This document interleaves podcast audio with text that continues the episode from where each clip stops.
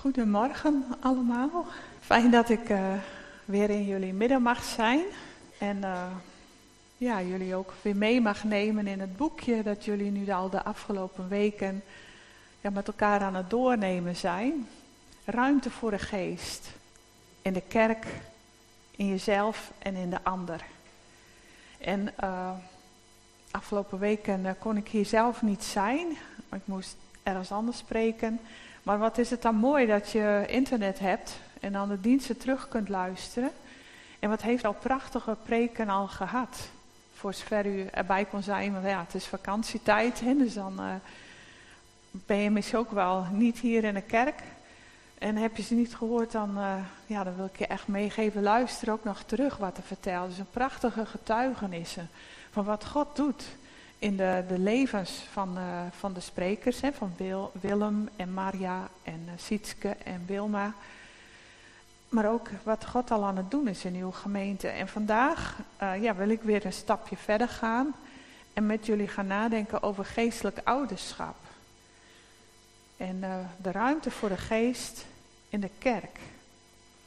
En daarvoor wil ik twee gedeelten met jullie lezen uit de Bijbel, twee verhalen die Jelle de Kok ook noemt in zijn boek. En uh, ik heb daar een PowerPoint bij gemaakt, zodat jullie ook even mee kunnen lezen. En ik hoop dat het lukt.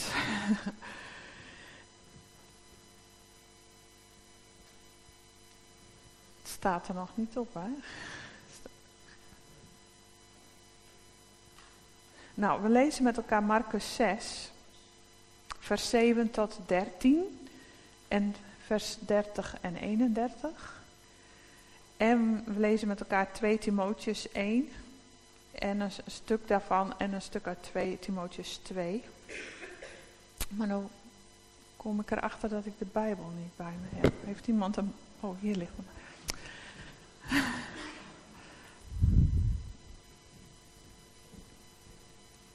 Ik ben altijd zo gewend als ik op een preeksel sta, dan is alles, uh, ligt er wel. Maar gelukkig, hier ligt er ook een. Marcus 6.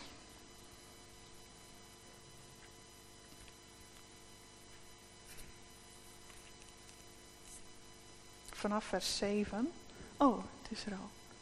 Ja. Jezus riep de twaalf bij zich en zond hen twee aan twee uit. En gaf hun macht over de onreine geesten. Hij droeg hen op niets mee te nemen voor onderweg geen brood, geen reistas en geen geld, alleen een stok. Sandalen mochten ze wel dragen, maar, zei hij, trek geen extra kleren aan. En ook zei hij, als jullie ergens onderdak krijgen, moet je daar blijven tot je verder reist. Maar als jullie ergens niet welkom zijn en de mensen niet naar jullie willen luisteren, moet je daar weggaan en het stof van je voeten schudden ten teken dat je niets meer met hen te maken wilt hebben. Ze gingen op weg en maakten het goede nieuws bekend om de mensen tot inkeer te brengen. En ze dreven veel demonen uit en zalfden veel zieken met olie en genazen hen. En dan uh, gaan we verder vanaf vers 30. En de apostelen kwamen weer terug bij Jezus. En ze vertelden hem over alles wat ze gedaan hadden en wat ze de mensen onderwezen hadden. Hij zei tegen hen, ga nu mee naar een eenzame plaats om alleen te zijn en een tijdje uit te rusten. Want het was een voortdurend komen en gaan van de mensen, zodat ze zelfs niet de kans kregen om te eten. Dit was een gedeelte waarin we wat van Jezus kunnen leren. En we gaan ook nog naar Paulus en Timotheus. 2 Timotheus 1 beginnen we mee.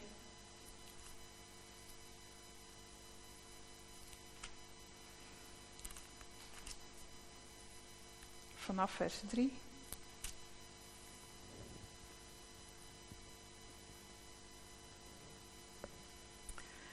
Telkens als ik je in mijn gebeden noem, elke dag en elke nacht, dank ik God, die ik net als mijn voorouders met een zuiver geweten dien. Als ik aan je tranen denk, verlang ik ernaar je terug te zien. Dat zal me met vreugde vervullen. Ik, ik denk vaak aan het oprechte geloof dat je grootmoeder Lois en je moeder Eunike hadden En dat, daarvan ik ben overtuigd, jij nu ook hebt. Daarom spoor ik je aan het vuur brandende te houden van de gave die God je schonk toen ik je de handen oplegde. God heeft ons niet een geest van lafhartigheid gegeven, maar een geest van kracht, liefde en bezonnenheid. Vers 13 en 14. Neem als richtsnoer de heilige woorden die je van mij hebt gehoord. Houd vast in, aan het geloof en aan de liefde die in Christus Jezus zijn. Bewaard door de Heilige Geest die ons is toevertrouwd, die in ons woont, het goede dat je is toevertrouwd. En dan 2 Timotheus 2, vers 1 en 2 nog. Mijn kinderen, mijn kind, wees sterk door de genade van Christus Jezus. Geef wat je in aanwezigheid van velen van mij hebt gehoord, door aan betrouwbare mensen die geschikt zijn om anderen te onderwijzen.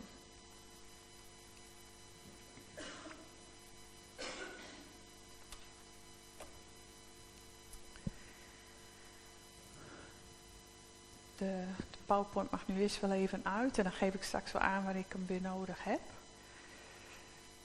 Ja, hoeveel ruimte is er voor de Heilige Geest in de kerk?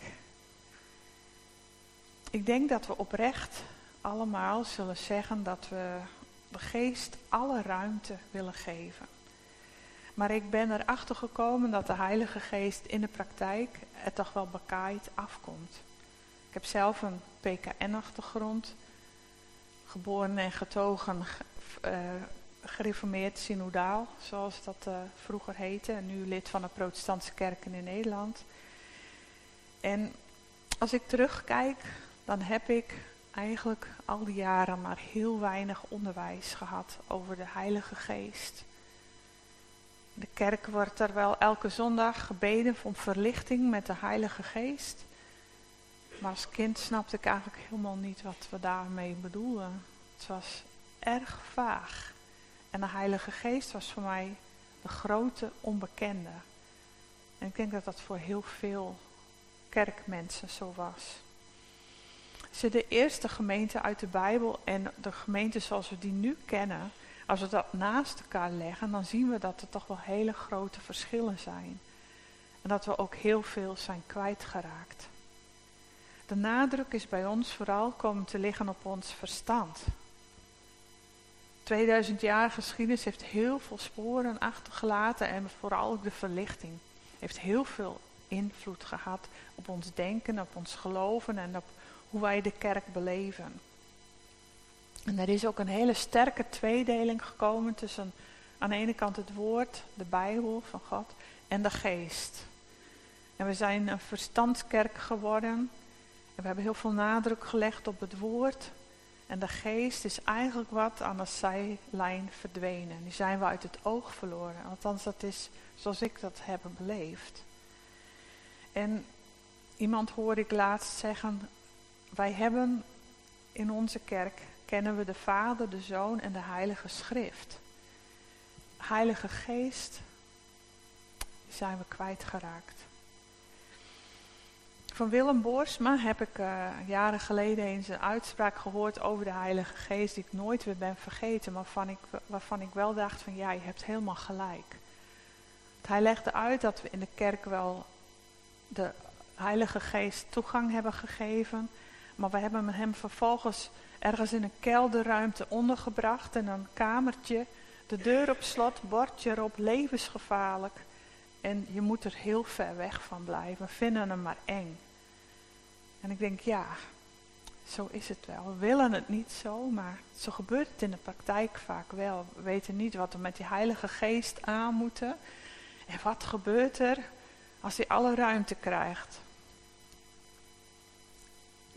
Ik vertel dus dat ik er helemaal niet mee ben opgegroeid en dat ik ook een bepaald beeld had bij de Heilige Geest en bij mensen die vol waren van de Heilige Geest.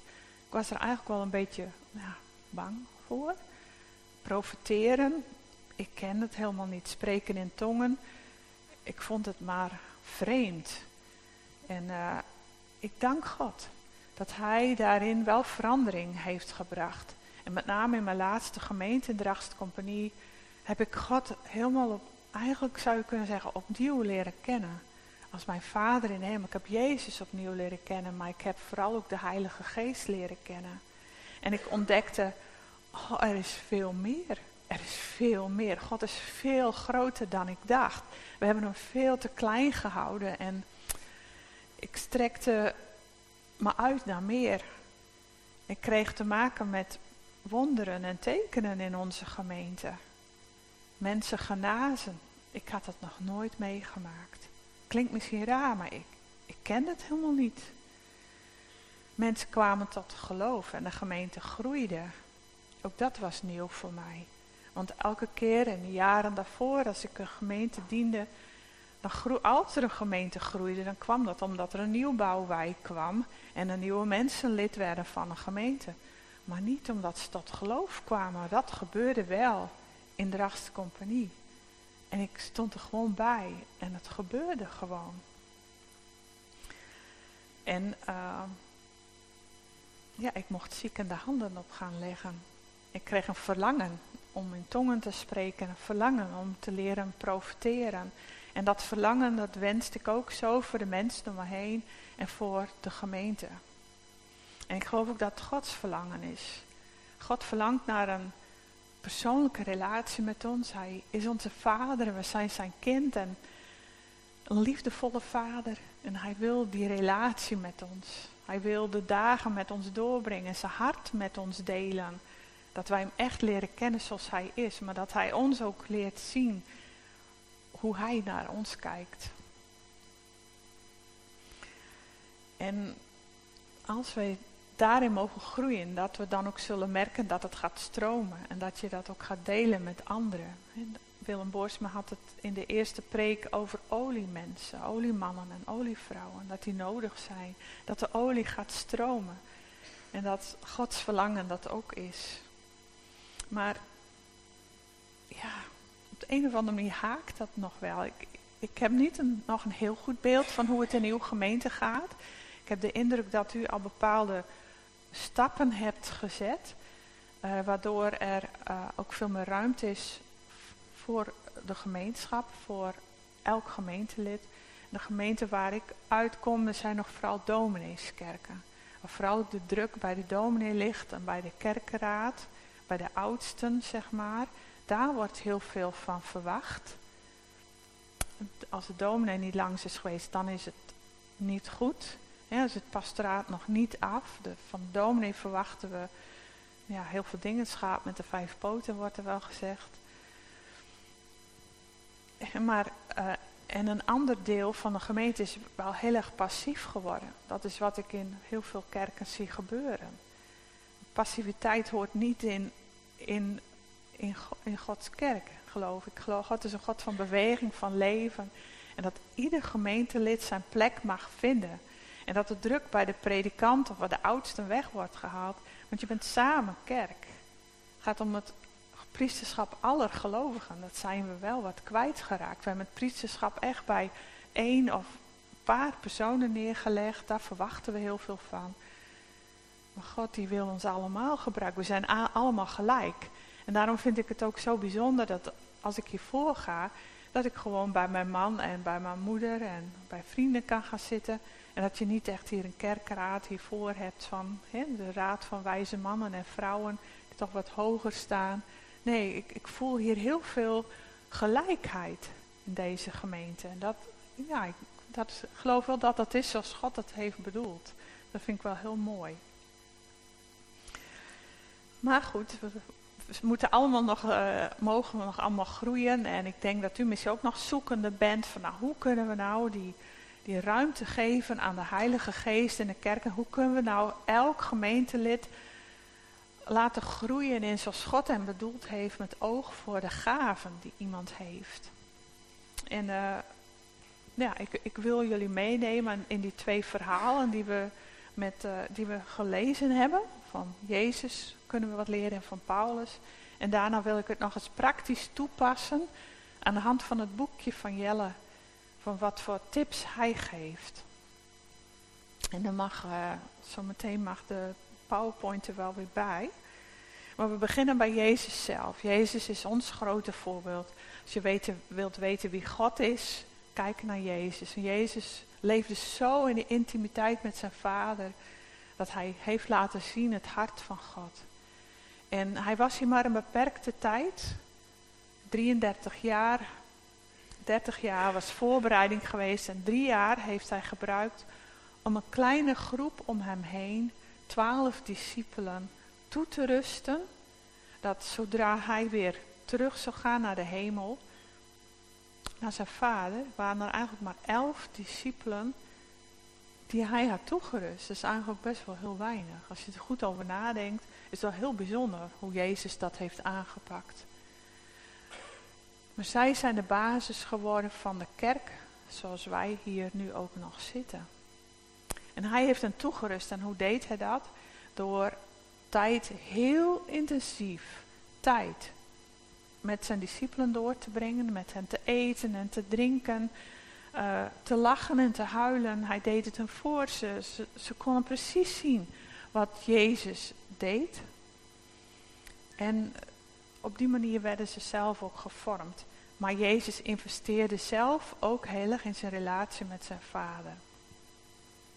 En hetzelfde zien we terug bij Paulus. Hij komt op een gegeven moment tijdens zijn reis een Timotheus tegen. En hij nodigt Timotheus ook uit om lid te worden van zijn team. En uh, Timotheus mag meelopen. Hij ziet gewoon aan Paulus wat, hoe je het moet doen. Hij leert het van hem, hij kan het afzien. En dan zijn er soms momenten waarop Paulus dan uh, Timotheus wel eens ergens achterlaat. En hij reist verder, zo van nou, je bent u zo ver, doe maar.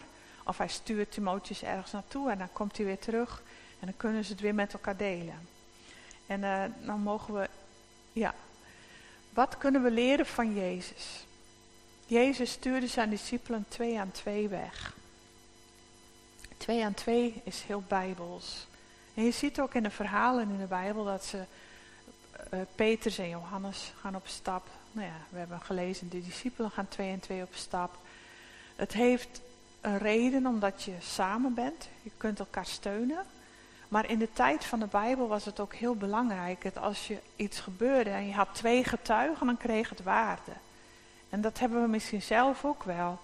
Dat als iemand jou iets vertelt, vertelt van nou, dit heb ik meegemaakt, dit was gaaf. En dan kun je nog denken van, hmm, nou oké. Maar als er dan iemand is zegt van ja, maar ik heb het ook gezien, ik heb het ook zo beleefd. Dan krijgt het ook al wat meer waarde. Dus het, heeft, het, het geeft meer kracht, maar het bemoedigt zelf ook. Jezus die geeft de opdracht om zijn discipelen zo goed als niets mee te nemen. Daarmee wil Jezus leren om volledig afhankelijk te zijn van God. Hij zal voorzien. Maar wij vinden dat best wel een dingetje. Wij vinden dat heel lastig. Wij houden liever nog wat de regie. Maar stel dat er toch niks gebeurt, dan is het toch wel fijn dat ik ook nog wat bij me heb. Maar dat is niet wat Jezus meegeeft. Vertrouw erop dat God de deuren en de beurzen zal gaan openen. Het heeft met controle te maken, het heeft ook met geloofsvertrouwen te maken. Als het erop aankomt, hoe zit het dan met mijn geloof? Vertrouw ik dan God echt? Of wil ik dan zelf ook nog wat de touwtjes in handen houden?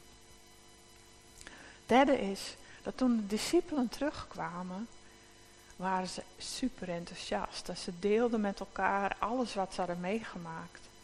En hoe mooi is dat om van elkaar ook de verhalen te horen van wat God doet. We kwamen hier zo net uh, in de kerk en uh, mijn moeder die is hier ook vanmorgen. En zij is hier naartoe gelopen en tijdens die wandeling maakte ze iets heel bijzonders mee. Dus mijn moeder die komt hier in de kerk en die zegt meteen van... Ik heb nu toch wel zoiets bijzonders meegemaakt daar word je blij van. Dat bemoedigt je. Dat, dat, dat had ook te maken dat ze zomaar met een wildvreemde gesprek kreeg over het geloof. Nou, hoe bijzonder is dat? En dat wil je dan even kwijt. En dan denk je oh, wat is God groot. Hoe bijzonder. Dus je, je ziet dus die discipelen die delen een verhaal met elkaar, dat bemoedigt. Daar word je blij van. Dat, dat maakt je enthousiast. Maar het geeft God ook alle eer. Want hij krijgt de glorie. Zeggen we, oh Heer, wat bent u geweldig. En nadat ze hun verhalen hebben gedaan, uh, nodigt Jezus ze uit om tot rust te komen. Als je in de bediening bent, of je een taak hebt in een gemeente, dan merk je ook dat mensen wel de neiging hebben een bepaalde druk bij je neer te leggen of dingen van jou gaan verwachten. Maar Jezus die nodigt hen uit, neem afstand.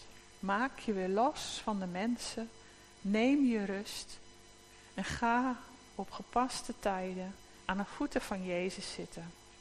En laat je niet bepalen door de agenda en de verwachtingen van mensen, maar vraag God, Heer, wat wilt u dat ik doe?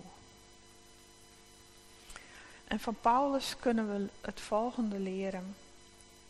Hij spoort Timotheus aan om zijn geloof brandende te houden. En het woord dat hiervoor gebruikt wordt, betekent oprakelen, aanwakkeren. En dan krijg je een beeld voor je van een vuur waarbij hout onder de as is terechtgekomen. Een as heeft de neiging om, om vuur te doven, om het weg te drukken. En eigenlijk zegt Paulus tegen Timotheus, haal dat hout weer onder het as vandaan. Zodat de zuurstof erbij kan komen en het vuur weer kan gaan branden. En zo zit het ook met ons geloof. Dat je je vuur brandende moet houden. Dat je hout wel eens onder de as van het leven terecht kan komen. We halen het eronder weg en breng het weer in de zuurstof. En ik moest denken aan de tekst van Efeze 5, vers 18. Daar staat, wordt vervuld met de Heilige Geest. Eigenlijk staat er, wordt voortdurend vervuld. Laat je voortdurend vervullen. Het is een opdracht. God geeft ons de Heilige Geest. Het is een gave. Maar blijkbaar hebben wij ook invloed daarop. Het blijft niet altijd zo vurig zoals het is. En de Bijbel staat ook in 1 Thessalonicense vers 19, 5, vers 19, doof de geest niet uit. We kunnen blijkbaar ook de geest uitdoven, maar Paulus die vraagt aan Timotheus, wakker het aan, houd het vuur brandende. En het tweede wat hij meegeeft is dat hij zegt, wees sterk door de genade van Christus. Eigenlijk staat er heel wat anders. Wees sterk door de kracht, de dynamis van Jezus. Dynamis kennen we van het woord dynamiet.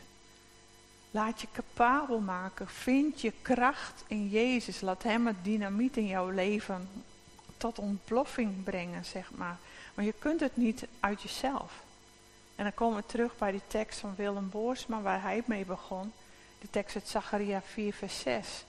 Daar was staat, niet door eigen kracht of macht zal hij slagen, zegt de Heer van de hemelse machten, maar met de hulp van mijn geest. We zijn volledig afhankelijk van God in alles. En wees krachtig in de Heer. Zoek het in zijn macht. Doe het niet in eigen kracht. Dan word je moe, daar raak je gefrustreerd van.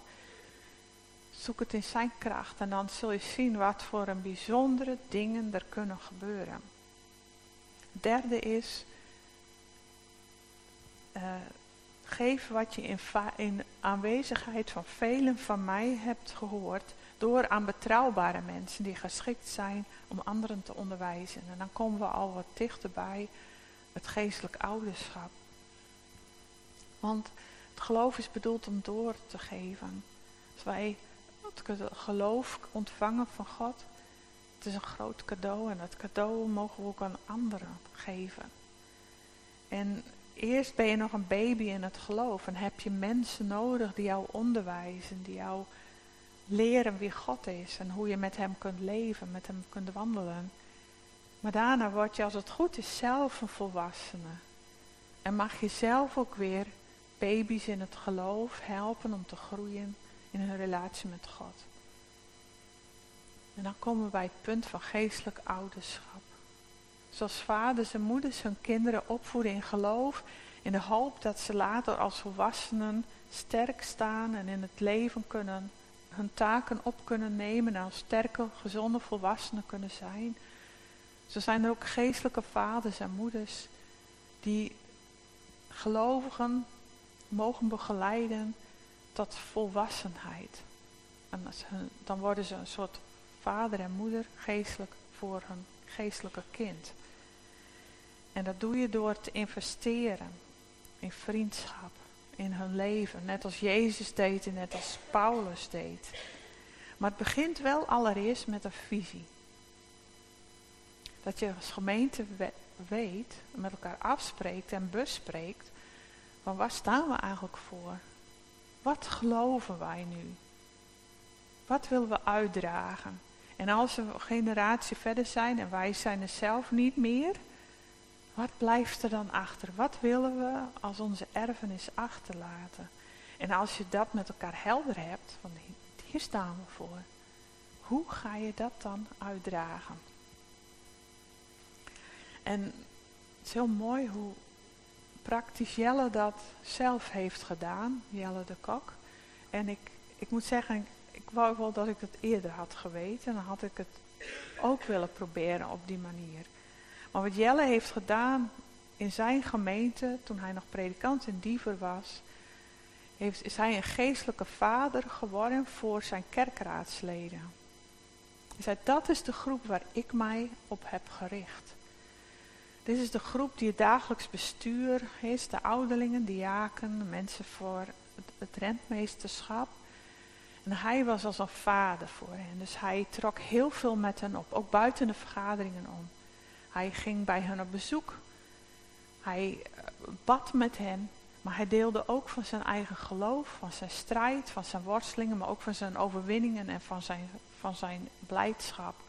En op die manier werden zijn kerkraadsleden geïnspireerd, konden ze groeien, met de vragen konden ze terecht en konden, werden ze zelf klaargestoomd om leiding te geven aan de gemeente, maar ook om zelf ook weer geestelijke vaders en moeders te zijn. Dus dan zie je dat het als een, een olievlek over zo'n gemeente gaat uitspreiden. En tijdens de vergaderingen was er ruimte voor het geloofsgesprek. Dus een groot deel van de vergadering werd er met elkaar over de Bijbel, het geloof gesproken en gebeden met elkaar. En als je dan dat stuk hebt gedeeld, je hebt elkaar het hart gedeeld, dan ga je ineens heel anders vergaderen. Zijn ervaring was dat je binnen een half uur had je de agenda erdoor. Omdat je met andere ogen naar elkaar en naar de onderwerpen kijkt. En ik denk dat dit heel goede methode zou kunnen zijn om gemeenten te helpen te groeien. En dat je als gemeenteleden ook op de plek komt waar God je bedoeld heeft. Dus wat ik mee zou willen geven is, als u dit nog niet doet en het, je zou er zo over kunnen nadenken van, hoe doen wij dat met geestelijk ouderschap? Hoe investeren wij in onze gemeenteleden? En je zou kunnen overwegen om te bidden als gemeente van welke geestelijke vader of moeder zou geschikt zijn om onze kerkenraad of onze raad van oudsten toe te rusten. Er is vast wel iemand in uw gemeente die zoveel wijsheid en geloof heeft, dat hij als een vader of moeder voor hen kan zijn. Zodat zij worden bemoedigd en op hun beurt ook geestelijke vaders en moeders kunnen zijn voor hun gemeenteleden. Maar je kunt ook heel klein denken. Als je al heel erg bent gegroeid en je hebt veel te geven, dan zou je God ook kunnen vragen, Heer, voor wie mag ik een Paulus zijn?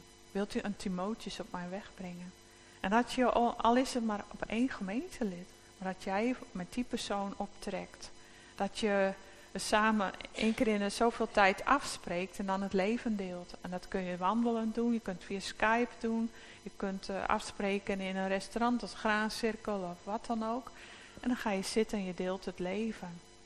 En je kunt het met elkaar bespreken van wat heb ik nou de afgelopen twee weken meegemaakt. Is er iets gebeurd waardoor God tegen mij heeft willen spreken? Heb ik zijn stem goed gehoord?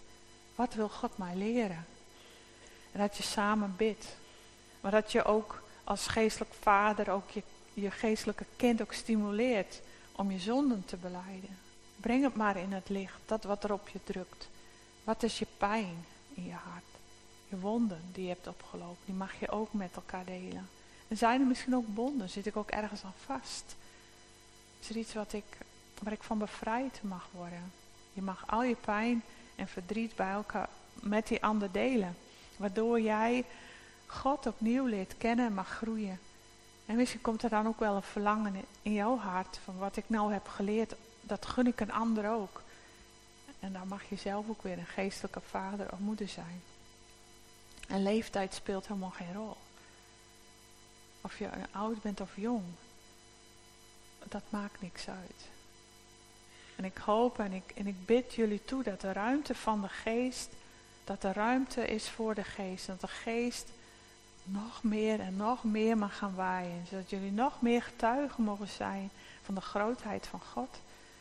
En dat, ja, dat ook de, de Open Thuisgemeente ook een geweldige plek is om in dit leven bij te komen van alles wat je meemaakt. Dat jullie liefdevol zijn, een herberg, waar wordt ook wel eens over de kerk gesproken. Maar dat je dat ook uitdeelt hier in deze wijk, hier in Drachten.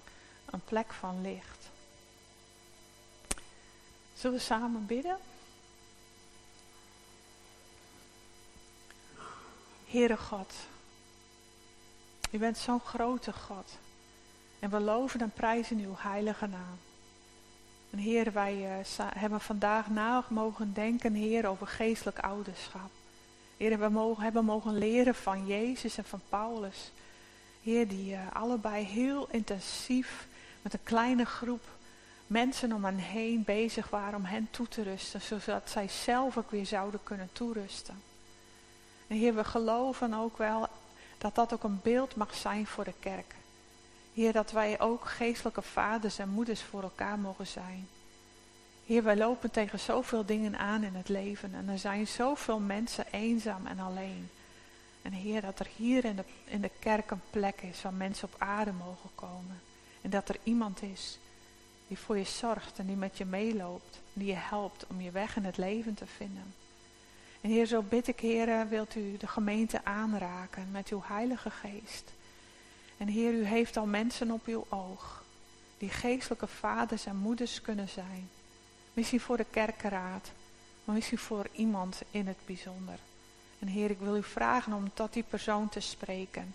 Om zijn of haar hart aan te raken. Om de komende tijd ook duidelijk te maken, Heer wat hij of zij voor iemand mag betekenen. En Heer, u kent ook het verlangens van mensen die misschien zo behoefte hebben aan iemand die met hen meeloopt. Heer, wilt u hen ook kenbaar maken dat u naar hen omziet en dat u hen heeft gezien en gehoord. En Heer, zo, ja, zo bid ik Heer voor de gemeente, van de Open Thuis gemeente. Heer, wij bidden u Heer om bezieling van uw Heilige Geest. Het is nu nog vakantie. En over een paar weken begint het nieuwe seizoen. Heer, we bidden, Heer, kom met uw Heilige Geest. Inspireer de leiding. Inspireer alle mensen die een taak hebben, Heer. Dat er vreugde mag overstromen, de liefde voor elkaar. En de passie voor uw Heer. En dat de gemeente ook mag groeien in haar plek in deze wereld en uw koninkrijk.